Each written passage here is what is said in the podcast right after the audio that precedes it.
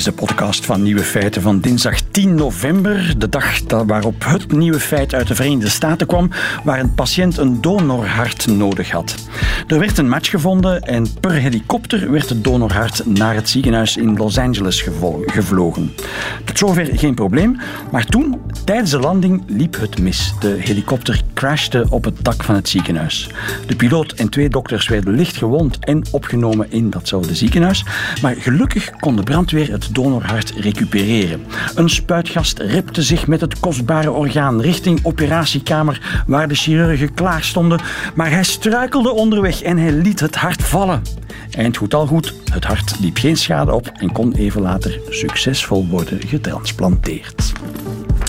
De onderwerpen vandaag eh, komen uit Barcelona. Daar experimenteert men vanaf 2022 met luchttaxis. Dat is geen nieuw idee, want Sabena had in de jaren 50 al een soortgelijke luchttaxidienst in Brussel. Mark Reinebo weet daar alles over. Tweede taalgebruikers, bij wie er een groot sociaal-cultureel taboe hangt over vloeken in hun moedertaal, schakelen moeiteloos over op hun tweede taal om alsnog te vloeken. Fieke van der Gucht, taalcoördinator van Taal Onthaal, legt uit hoe dat zit. En nu er in deze lockdown opnieuw veel gewandeld wordt, doen natuurbeheerders een opmerkelijke oproep. Ga naar het toilet voor je gaat wandelen. Je grote of je kleine boodschap doen in de natuur verstoort het ecosysteem. We praten daarover met bushcrafter Mike de Rover. In 2024 zullen er opnieuw Amerikanen op de maan staan en hun zuurstof zullen ze halen uit maanstenen. Koen Geukes van Volkssterrenwacht Urania geeft straks uitleg en het middagjournaal komt van Chris van den Abelen. Fijne middag. Radio 1. Dam, diddle diddle dam, dam, dam, diddle diddle dam, dam, dam, diddle diddle dam, diddle diddle dam, diddle diddle dam. Nieuwe feiten. Ding dong, ding dong, ding dong. Ik ga een beetje interne keukenprijs geven van het redactiewerk eh, bij Nieuwe Feiten. Wij lazen in de krant, het was in El País, dat ze in Barcelona van plan zijn om een nieuw soort taxidienst te introduceren: helikoptertaxis. Een uh, zeer verstandige redacteur van Nieuwe Feiten die wist te vertellen dat dat geen nieuwigheid is. Dat ze bij Sabena dat ook ooit hebben gedaan. Vandaar de Helihavenlaan in Brussel, dat is daar een restant van. Enfin, we beginnen te zoeken met heel de redactie naar de geschiedenis van Sabena. Wie zou daar iets over kunnen vertellen? En we hebben iemand gevonden.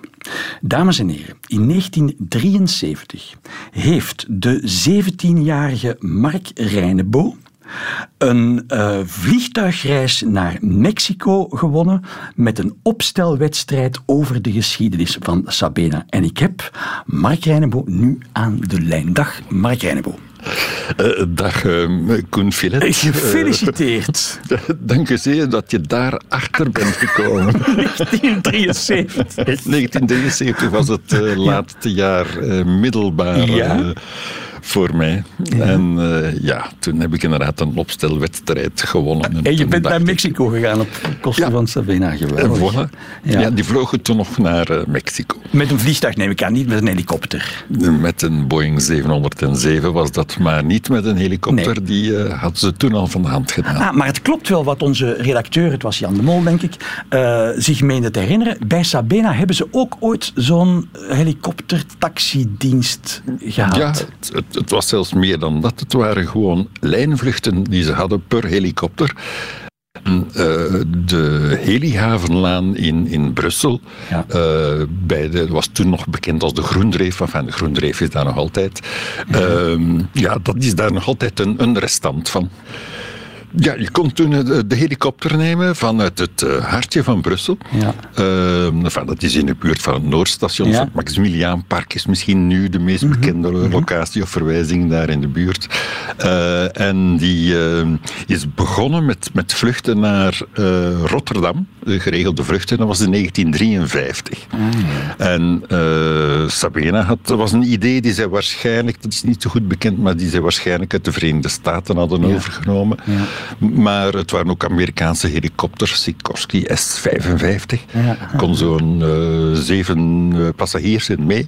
En die vlogen dus met een zekere regelmaat naar uh, Antwerpen, Rotterdam, tussenlanding in Antwerpen. En dan is dat netwerk altijd maar uitgebreid geworden. Met, vanaf 1953 naar, met vluchten naar Rijssel, naar Luik, Maastricht, Keulen. alles wat zo'n beetje, laten we zeggen, in het bereik lag van een helikopter, maar waar geen grote luchthavens precies, waren. Precies, maar misschien toch net iets te ver om het, om het een taxidienst te noemen. Ja, ja het, waren gewoon uh, lijndiensten. Je kon daar een ticket voor kopen. En uh, ja, zo'n helikopter is ook snel gevuld in die zin dat... Ja, zeven man. Die, ja. de zeven man. En dan hadden ze achteraf een ander type. Dat was uh, de Sikorsky S-58. is gewoon een grotere versie daarvan. Waar dan twaalf passagiers in mee konden. Maar het hoogtepunt was eigenlijk de, een aantal jaren later, in 1958, met um, Expo 58. Ja, ja, ja, en toen waren er geregelde vluchten ook van de Groendreef naar de Heizel. Dat is, dat is dus een boogscheut, ja. Dat is een boogscheut op spuwafstand, kan je zeggen. En dan van de Heizel naar Melsbroek, wat toen nog de nationale luchthaven was, ja. Zaventem zeg maar, uh, met de helikopter, omdat dat stond ook zeer modern. Want het was ook de oorsprong van, laten we zeggen, die helikoptervluchten in de Verenigde Staten was meestal van het stadcentrum, Manhattan in ja. New York, ja. naar de luchthaven JFK. Dat is altijd maar een paar minuten vliegen, maar goed, dat schijnt dan praktisch te zijn. Um, en, en dat was toen ook een groot succes uh, in, in die tijd, want ja, alles was uh, op technologie gericht met Expo 58. En uh, daarvoor hebben ze zelfs, uh, heeft Sabena zelfs extra helikopters moeten inhuren om, om gewoon ja. die, aan die vraag te kunnen voldoen. Ja. Maar voor zover ik weet zijn er nu geen helikoptervluchten van Sabena. Ergens is het opgehouden. Ja, in uh, 19, begin van de jaren 60, 1962, heeft men toch iets vastgesteld, namelijk dat dat een, uh, een dure zaak was. Ja. In die zin dat zo'n helikopter toch wel. Het is aan de ene kant een stuk makkelijker. Je hebt geen grote landingsbanen, geen grote infrastructuur nodig. Aan de andere kant, ja, het is wel iets wat uh, bijzonder veel uh, kerosine slurpt. je moet dan denken aan de orde van 300, 400 liter per uur. Ja. En uh, ja, dat was eigenlijk te duur om dat rendabel te maken. De vraag nam ook af. Mm. Maar het, je zou het kunnen zien als die oude droom van de jaren 50. Uh, en, en zeker die helihaven dan in uh, Brussel-Noord was, of in de buurt van, van in het noorden van Brussel, heeft te maken met, dat, met die oude droom van al die verkeersknooppunten die samenkwamen. Ja. Al die grote snelwegen die elkaar doorkruisten in het centrum Juist. van de stad. De ontwikkeling van de Noordwijk, dat past Precies. perfect in. Hè? Ja, ja. En uh, daarom is het typisch dat het in, in, in, de, in het noorden van, van, van uh, Brussel was, dat die helihaven ja, kwam. ja, ja. En dan de, de, de helikopter, die zou dan de ultieme laatste, uh, laten we zeggen, toevoeging aan dat verkeersnetwerk knooppunt zijn. Uh, dat is natuurlijk allemaal een grote vergissing gebleken, weten wij nu. Maar... In Barcelona overwegen ze toch om het opnieuw te gaan doen. Ik weet niet wat de beweegredenen daar zijn. Maar... Wel, ik heb, ik, heb, ik heb even rondgekeken, uh, omdat ik me herinner, in, in, New York is, bestaat dat nog ja, altijd, ja. een, een, verbinding tussen uh -huh. het centrum van New York, Manhattan, en de, de grote luchthavens, zijn er meerdere trouwens. in Chicago bestaat dat ook, -huh. bestaat ook in Nice. Uh, en tot mijn, uh, waar je dus een uh, geregelde vlucht hebt van de luchthaven van Nice naar Monte Carlo, Monaco eigenlijk. Ja. tot mijn schaamte moet ik bekennen dat ik die zelf ooit eens heb genomen. Ah. Een beetje per vergissing, maar. nee, dat, toch... dat, doe je niet per vergissing, dat kan niet. Wel, het was gewoon, ik had het secretariaat gevraagd van ik moet naar Monte Carlo voor een congres, zoals dat. Ja. kunnen jullie iets regelen? En toen ik ja, op de luchthaven kwam met mijn ticket, bleek dat dus ook een, een verbinding per helikopter naar oh, Monaco in te chic. zitten. Dat is chic, ja. Ik heb zelf nog nooit was... in een helikopter gezeten. Maar... dat was in de tijd dat, uh, laat ons zeggen, dat allemaal nog voor, voor de hand lag. En ja. dat is een paar minuten vliegen natuurlijk. Meer is dat niet. Dat ja. was ook zo trouwens met, uh, dat is ook zo met die vluchten in, in New York. Dat is hooguit tien minuten vliegen.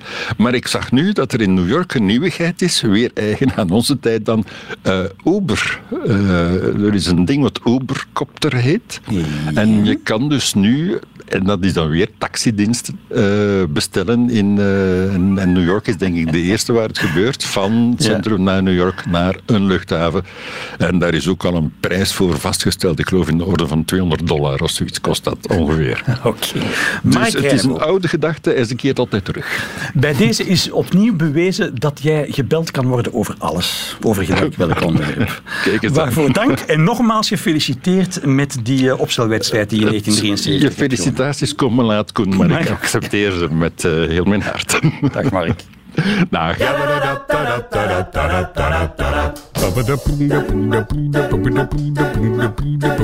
Nieuwe feiten. Een van de tijdschriften die uh, toekomen op de redactie van Nieuwe Feiten is het tijdschrift Onze Taal.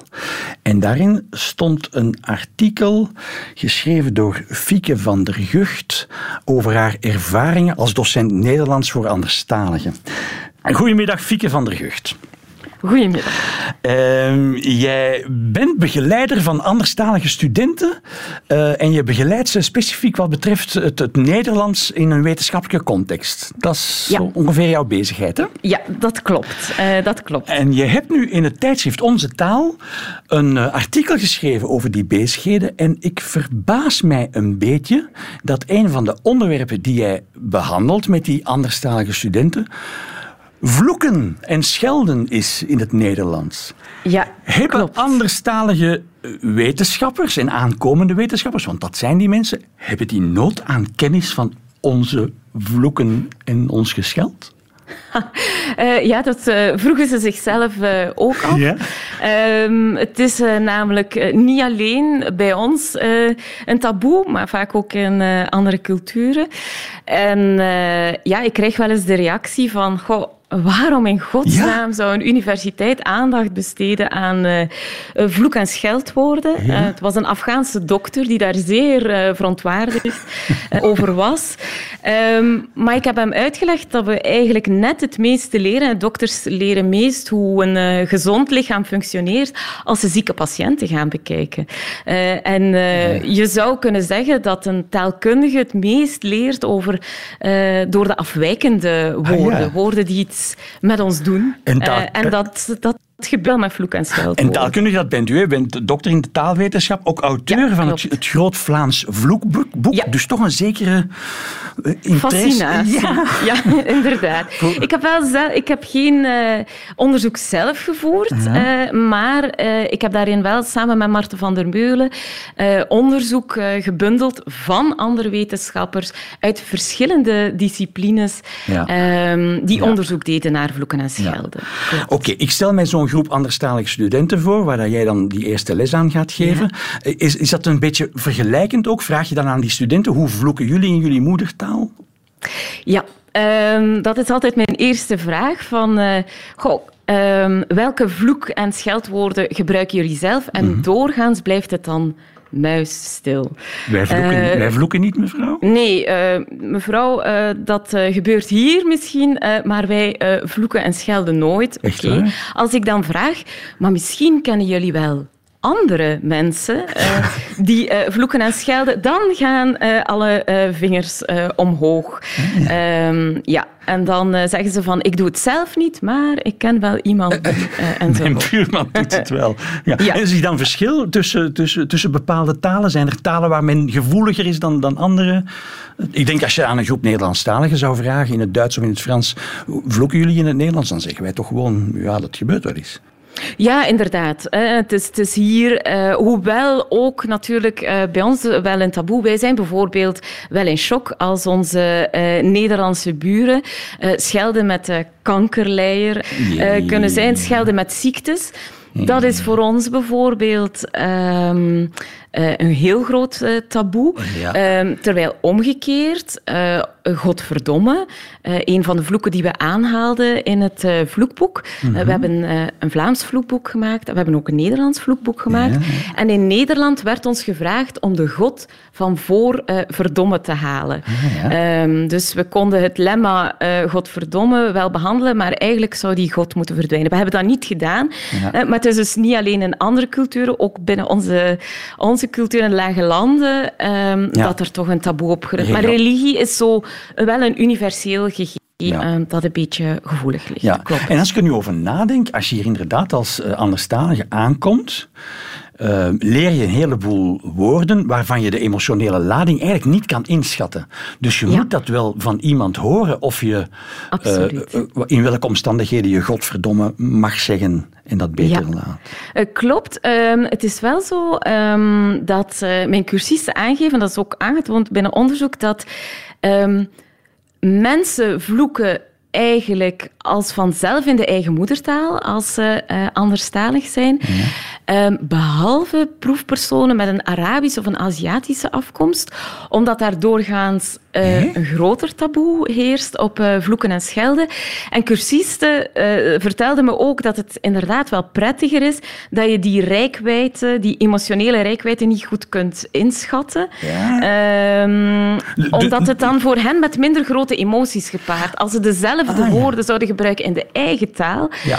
Dan is die lading daarvan uh, zo groot uh, dat ze ze niet durven te gebruiken. En aangezien ze dat, die rijkwijde dan van die woorden minder kunnen ja. inschatten in het Nederlands, is het gewoon makkelijker om te gebruiken, want je, je weet ja je kent het effect toch niet helemaal. Dus die mensen die, die, die, tijdens de eerste les zeggen van ik vloek nooit in mijn moedertaal, die vloeken wel eens het Nederlands een beetje onder de knie beginnen te krijgen. Ja, de meesten gaven dan toch toe. En altijd hetzelfde voorbeeld uh, kwam terug. Ik weet niet of dat nu komt uh, doordat er uh, weinig parkeerplaats beschikbaar is in Gent, maar het werd altijd hetzelfde voorbeeld gebruikt. Als iemand mijn parkeerplaats inneemt, dan zou ik wel eens klootzak durven te gebruiken. Oh, dat is meteen een zwaar... Ja, ja maar dat is natuurlijk ook omdat dat zijn, eh, blijkbaar is dat een van de eerste godverdomme uh, als uh, vloek en uh, klootzak als scheldwoord een van de eerste die zich doorgaans aanleren. Dat is een van de eerste woorden die een anderstalige leert in het Nederlands. Dat ja, dat is natuurlijk dat, dat is niet op uit... ja, dat, dat,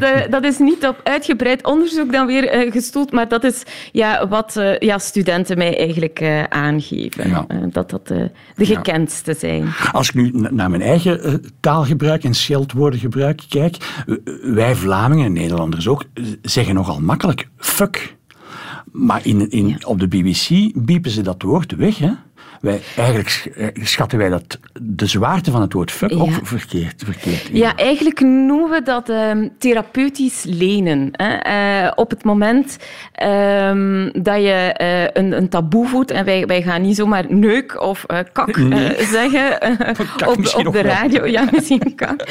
maar het zou, het zou een beetje vreemd klinken. En dus gaan we therapeutisch lenen. Daarom spreken mensen ook makkelijker van een prostituee dan van een hoer. Ja. omdat dat woord letterlijk een beetje afstand uh, creëert, uh, omdat het in een andere taal, omdat het eigenlijk aan een andere taal uh, ontleend is. Dus we spreken dan van therapeutisch ja. lenen. En ik heb hier dus twee keer fuck gezegd op de nationale radio. Dat zou ja. in, aan de andere kant van het kanaal totaal ondenkbaar zijn. Ja, absoluut. Zeg, maar, maar het klopt dus niet. Ik dacht altijd. Ehm, bidden, rekenen en schelden, dat doe je in je moedertaal. Maar dat klopt dus niet. Nee, normaal is het wel zo ja, dat je uh, voor die grootste emoties teruggrijpt naar je, um, uh, je moedertaal. Uh, maar als er redenen zijn waarom dat in je moedertaal niet kan ja. en prettiger is in de andere taal, grijp je dus naar de andere taal. Mieke van der Gucht, dankjewel. Graag gedaan.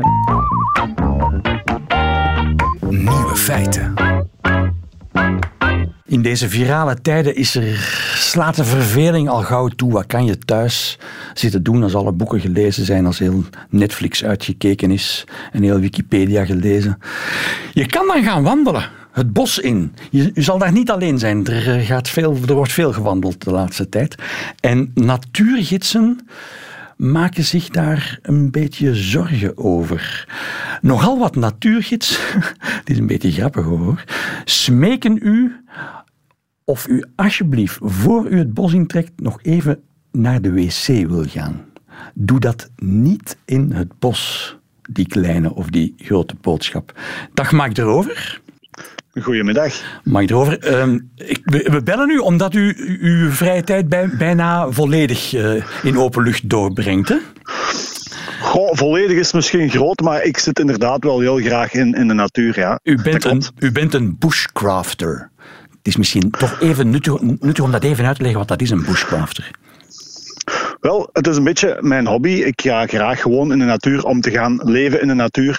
En dan brengen we gewoon een aantal dagen door in de natuur met zo min mogelijk materialen die we meenemen. Ah, ja. Dus uh, op zich is dat uh, een, heel, uh, een hobby die heel dicht bij de natuur staat. Ja, het is niet dat u met tent en zo vertrekt. Nee, nee, nee. U vertrekt met zo weinig mogelijk en slaapt dan in een hut die je zelf bouwt. Moet ik me zo voorstellen? Ehm, ja, klopt. Soms slapen we inderdaad wel in een hangmat. Of het gebeurt ook wel dat we onder een zeil slapen. Maar liefst gewoon in open hemel. Dat is het fijnste. Ja. Maar natuurlijk, um, we passen ons een beetje aan aan de omstandigheden. Ja, Mike erover. Wat is er mis met een pipieke tegen een boom? Goh, op zich ik wil het niet groter maken dan het is, ehm, maar ook niet kleiner. Dus er zijn ook dieren die in het bos leven. En als er iemand een pipieke tegen een boom doet, is dat niet per se een, een probleem. Als wij met allemaal pipiekes tegen alle bomen gaan doen, dan gaat dat lastig zijn voor de dieren die daar leven. Wat is daar lastig aan? Dus, uh, heel veel dieren die hebben een heel gevoelige reuksen. Die hebben allemaal territoria in de bossen, overal rondom. En als wij allemaal die territoriums gaan beplassen, dan gaan we dat natuurlijk wel een beetje verstoren. De impact is niet gigantisch, maar als we nu in deze dagen allemaal tegen alle bomen gaan plassen, ja, dan is dat voor die dieren vooral heel lastig, denk ik. Ah. Ja, ik dacht, ik dacht als, ik, als ik het hoorde dat het te maken had met, met alle, allerlei rare stoffen die in onze urine zitten, eventueel ook uh, chemische stoffen die door onze leefwijze in onze urine terechtkomen en zo in de natuur terechtkomen. Maar daar heeft het in de eerste plaats niet mee te maken.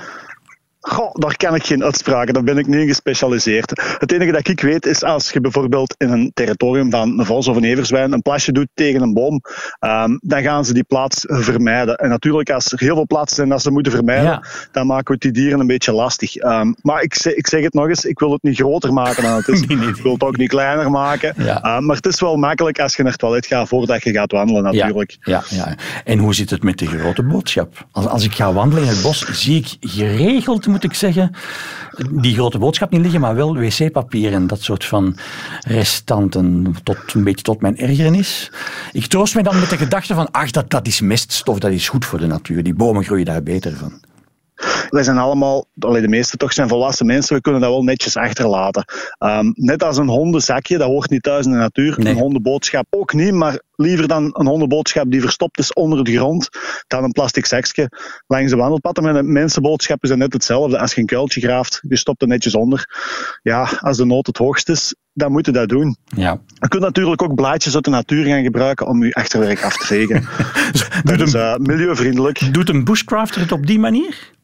Wel, er zijn een aantal blaadjes die zo heel viltig van textuur zijn en die we het wel gebruiken daarvoor. Ah ja? Um, bijvoorbeeld van de, van de toorts. De toorts is een inheemse plant en die blaadjes zijn heel viltig. En zijn dat, die, gele, dat zijn die gele, zijn dat die gele kaars? Ja, dat heeft inderdaad gele, gele bloeiwijzen. Ja, dat klopt. Dat klopt. Ah, dat is de, de, het wc-papier van de natuur. Onder andere, ja, dat klopt. Dat klopt.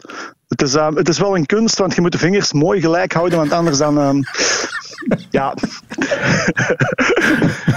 dus dat is een, van de dingen die je moet onder de knie krijgen als bushcrafter. Uh, ja, meestal leren we dat als we opgroeien thuis. Ook met een toiletpapier is dat ook wel belangrijk. met, een, uh, met een blaadje is dat nog belangrijker. Oké, de toorts. Ik, ik, onthoud het. Volgende keer dat ik het bos intrek, neem ik geen wc-rolkje mee. mee ah, maar voilà, kijk. zoek ik naar Prima.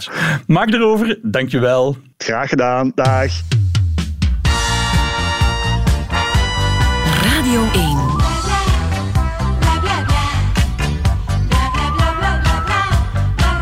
1. Nieuwe feiten.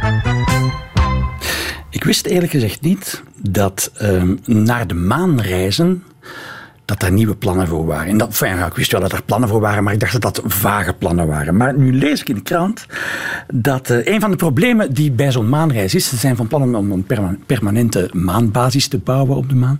Je moet alle materiaal meebrengen van de aarde.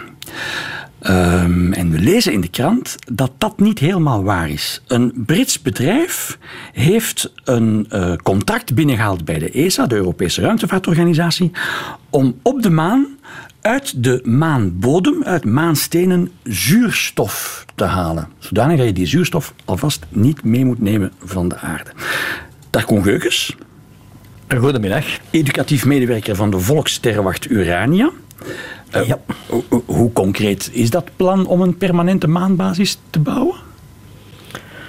Dat is uh, redelijk concreet in die zin dat uh, de huidige president, uh, vier jaar geleden NASA de opdracht gegeven heeft om tegen 2024 ah, ja. uh, terug opnieuw een Amerikaan op de maan te zetten. Ja, ja. En, en, dat kadert dan, en de, de, de bedoeling is om dan, zoals de NASA dat zelf zegt, we gaan terug naar de maan. Niet om daar gewoon naartoe te gaan, maar om daar te blijven. Dus op langere termijn willen we dan effectief een maanbasis gaan uitbouwen. Ja. En zo'n maanbasis, het is niet dat ze die bouwen ze die op aarde en brengen ze dan in zijn geheel naar de maan, of wordt dat uh, ja, gebouwd met dat maanstenen? Dat gaat in eerste instantie, neem ik aan, gewoon inderdaad hier op aarde ah, gebouwd worden, gelanceerd worden en dan daar geplaatst worden. Nu, in eerste instantie gaat dat om een twee à drie astronauten waarschijnlijk, vier astronauten die dan beperkte tijd op het de maanbodem gaan, gaan, gaan leven en mhm. werken en dan terug naar de aarde komen. Nu, als we daar langer willen gaan blijven wonen en permanenter willen gaan wonen, dus continu mensen op de maan willen hebben, dan gaan we die basis ongetwijfeld een beetje moeten uitbouwen, gaan we dingen bij moeten maken. En dan hangt het er een beetje vanaf hoe ver dat bepaalde dingen geëvolueerd zijn. Of dat we dan inderdaad gewoonweg extra modules van de aarde naar de maan gaan sturen. Of dat we inderdaad een poging gaan ondernemen om daar lokaal dingen te gaan bouwen. Ja. Maar er, is dus, er zit geen zuurstof in de dampkring van de maan. Er is geen dampkring van de maan. Dus er je moet geen dampkring. Nee, voilà. Dus we moeten die zuurstof meenemen, dacht ik, van op de aarde. Maar nu lees ik in de krant dat er dus een bedrijf is dat beweert dat ze in staat zijn om uit maanstenen zuurstof te oogsten. Hoe gaat dat in zijn werk? Ja, dus in, ah, in, eerste instantie gaat men inderdaad zuurstof moeten meepakken. En dan zijn er ook allerlei systemen, zoals men dat nu ook in het ruimtestation heeft. Hè. Mhm. Men heeft daar ook systemen om dus de lucht opnieuw uh, proper te maken, te recycleren. En men heeft ook nu daar al bepaalde, hoe moet je dat zeggen, chemische installaties. Uh, dat zijn zowel bij de Russen als bij de Amerikanen. En de Russen hebben daar al jarenlange ervaring mee. Die mhm. gewoon door een chemische reactie dus zuurstof produceren. Uit uitgeademde lucht? Nee, dus uit een, dat is een, een, soort van een container, zal ik maar zeggen, waar ze een bepaalde uh, brandstof, zal het zo maar noemen, ah, insteken. En door een chemisch proces komt daar dan, is een soort van kaars, omschrijft, omschrijft dat wel, en die kaars brandt en daardoor komt dan ah, zuurstof vrij. Oké. Maar natuurlijk, dat moet dus regelmatig aangevuld worden. Maar dat is één manier om zuurstof te produceren. Ja. Natuurlijk, die kaarsen moeten dus steeds aangeleverd worden. Hm. Het zou handiger zijn hè, als we die zuurstof dan inderdaad ter plaatse zouden kunnen fabriceren. Ja, dat begrijp ik. En daarvoor, zoals u het omschreven hebt, men heeft dus een, een, bepaald proces en dat is gebaseerd op elektrolyse, waarbij men dus uit de maanbodem uh, zuurstof gaat halen was elektrolyse, heel simpel uitgedrukt of uitgelegd. En ik kan het niet ingewikkelder uitleggen, omdat het ook mijn kennisdomein niet is. Ah ja, Maar, maar men, heeft daar een, een, een, toestel, zal ik het maar noemen, waar een, een zoutoplossing in zit. En uh, twee metalen uh, staven die daar ook in zitten. Door daar stroom door te jagen, dus als men dan daar ook wat maanbodem in kiepert, door daar stroom door te jagen, dat, dat die zoutoplossing, die, dat is vloeibaar zout, uh, dat moet daar dan wel 950 graden Celsius warm zijn, okay. om dat vloeibaar te houden. Maar door dan die stroom erdoor te jagen, gaat dat een bepaalde reactie teweeg brengen, zodat uit die maanbodem er aan de ene kant inderdaad die zuurstof kan uitgehaald worden. Want die maanbodem die is opgebouwd uit mineralen. Die mineralen die zijn, die zijn opgebouwd uit moleculen en in die moleculen zitten ook zuurstofatomen. Men zegt nogal makkelijk, er is geen zuurstof op de maan, maar dat klopt niet. Er is wel zuurstof op de maan, maar dat zit vast in, uh, in bepaalde molecules. Ja, dat klopt, ja. En het is dus de kunst om er die uit te krijgen. Het, het proces dat, dat dus die, die Britse firma uh, gebruikt, dat is een proces dat reeds op aarde gebruikt wordt. Om ah. dus metalen te zuiveren. Hè, om, om bepaalde legeringen te krijgen. Om wordt, hier op aarde, wordt hier op aarde ook zuurstof geoogst uit ja, nee. De, de, de, zuurstof is in dit geval het afvalproduct. Wij dus, dus het is, het is vooral hier de bedoeling hè, om, om die metalen zuiverder te krijgen. Ah ja, dus je haalt erts, erts, uit de bodem en met elektrolyse haal je uit dat erts het metaal waar het je om te doen is. En op aarde is dan de zuurstof afval. Dat verdwijnt gewoon in de lucht. Ja, en op de, dat gewoon weg. En op de maan draait het eigenlijk om. Wordt het metaal het afval en wordt de zuurstof hetgeen waar het eh, allemaal om te doen is. Ja, het is beide eigenlijk. We kunnen beide gebruiken. Want als we inderdaad ook dat metaal hebben, ja, dan zouden we, als we dan toch hebben over, over het, het, uitbreiden van onze woning, zal ik maar zeggen. Hè, wat men ook volop mee aan het experimenteren is, is om met maanbodem uh, eh, 3D te printen. Er zijn dus experimenten met een grote 3D-printer die dus gewoon ja, iglo-achtige woningen print. Ja, ja. En dus je kan de maanbodem uh, uit elkaar halen met elektrolyse in die metalen aan de ene kant en dan de zuurstof gebruiken als, uh, voor de beademing van de, van de astronauten. De zuurstof kunnen we voor twee dingen gebruiken. Dat is enerzijds uh, voor de astronauten zelf, hè, gezien dat die inderdaad niet zonder die zuurstof kunnen. Ja. Maar op vroeg of laat willen die astronauten ook wel eens een keer terug naar de aarde. Ja. En dan moet er een raket gelanceerd worden van op de maan. En met een verbrandingsmotor die zuurstof nodig heeft. Ja. Ja, ja, ja. ja, Dus dat is dan een raketmotor. bijvoorbeeld, wij hebben een brandstof en als verbrandingsmiddel gebruiken we bijvoorbeeld vloeibare zuurstof om die, inderdaad die motor te laten werken. Ja. er is nog één ding waar ik mij zorgen over maak. Als je de maanbodem gebruikt voor dit soort van toepassingen, dan, heb je, dan ben je dus eigenlijk aan mijnbouw bezig op de maan. Dan ben je de maan aan het afgraven.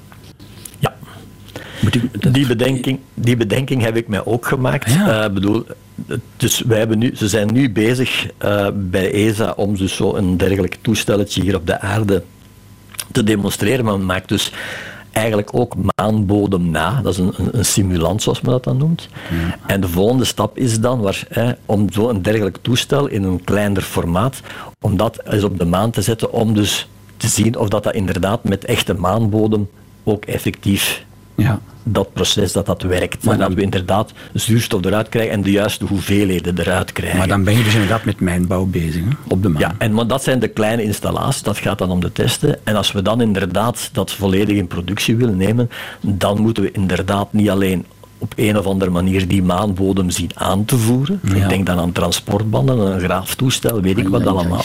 Maar aan de andere kant moet je dan die, die, die zuurstof opvangen. Heb je daar ook containers voor nodig? Heb je daar tanks voor nodig om dat in op te slaan?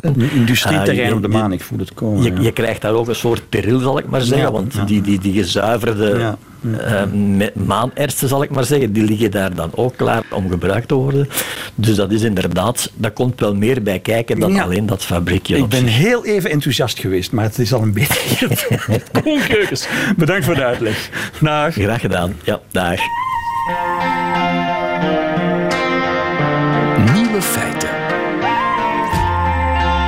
Wie komt hier de studio binnengewandeld? Chris van den Nabelen met onder zijn arm het middagjournaal. Nieuwe feiten. Middagjournaal. Beste luisteraars, zoals u weet hebben de verschillende regeringen van dit land al een onnoemelijke hoeveelheid geniale beslissingen genomen in de strijd tegen COVID. Vandaag pik ik er ene uit waar ik onze politici bijzonder dankbaar voor ben. We mogen ons gelukkig nog bezondigen aan niet-essentiële verplaatsingen. Niet-essentiële verplaatsingen zijn essentieel voor mijn geestelijk welzijn. Ik lummel namelijk graag maar wat aan. En nee, we gaan niet de gezondheidsgoeroes achterna hollen die ons constant willen doen wandelen of fietsen. Het mag ook echt leuk zijn. In deze context kan ik u het lammerdijen per automobiel ten zeerste aanraden. Dat gaat als volgt: gestapt in uw voituur en ge verdoet wat naft. Zo belandde ik vorige week plots in Vielsalm. Ik kan u dat stadje in de Walen overigens ten zeerste aanraden. Het is daar schoon. Er is veel om rond te kijken, wat essentieel is bij niet-essentiële verplaatsingen. En plots sprong me daar een auto in het oog die een bocht ronde, traag, zoals het ons lammerdijers betaamt. Bij het niet-essentieel rondkijken zag ik de nummerplaat. Zo leuk. Zo leuk. Waarmee ik niet meteen bedoel dat het zo leuk was, maar zo stond het er gewoon met rode letters op die witte achtergrond Z-O spatie L-E-U-K. Iemand rijdt er in België rond met de nummerplaat Zo leuk. Gepersonaliseerde nummerplaten, ik ben daar helemaal voor. Het is een bijzonder sympathieke vorm van belastingen, alleen voor wie het met vreugde wil betalen en ook nog een boodschap aan de gemeenschap wil meegeven. Zo leuk, bijvoorbeeld. Hmm, het lijkt me lichtjes problematisch om met zo'n nummerplaat een aanrijding te hebben en dus met de tegenpartij het ongevalformulier te moeten invullen of bij een kerk te parkeren waar een begrafenisplechtigheid plaatsvindt. Misschien had een mevrouw of meneer om die reden een tweede voertuig met als nummerplaat zo triest. Ja, dat zou van veel empathie getuigen. Zo vatte ik, gezeten in mijn auto met nummerplaat 1HJF 466, de terugweg naar Kalmthout aan. Twee en een half uur lang heb ik me tegen 90 per uur, want het Lammertijen verdraagt geen hoge snelheid, afgevraagd wie aan het stuur zat van de auto met nummerplaat zo leuk. Toen ik thuis kwam, was ik er helemaal van overtuigd dat het om een oud vrouwtje gaat met wit krullend haar en gevoel voor humor. Ik zou haar zo graag eens ontmoeten. Oude vrouwtjes met pit luisteren al eens graag naar de nieuwe feiten. Daarom deze oproep. Lieve dame met wit krullend haar, mag ik samen met u eens een ritje maken in uw auto?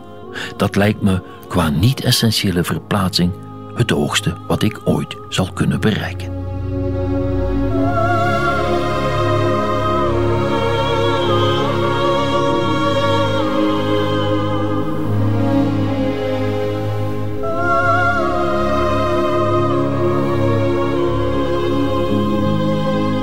Dankjewel Chris van den Abelen voor dit middagjournaal. Morgen nog.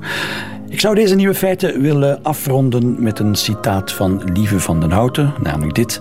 Blijf bij ons, blijf bij Radio 1.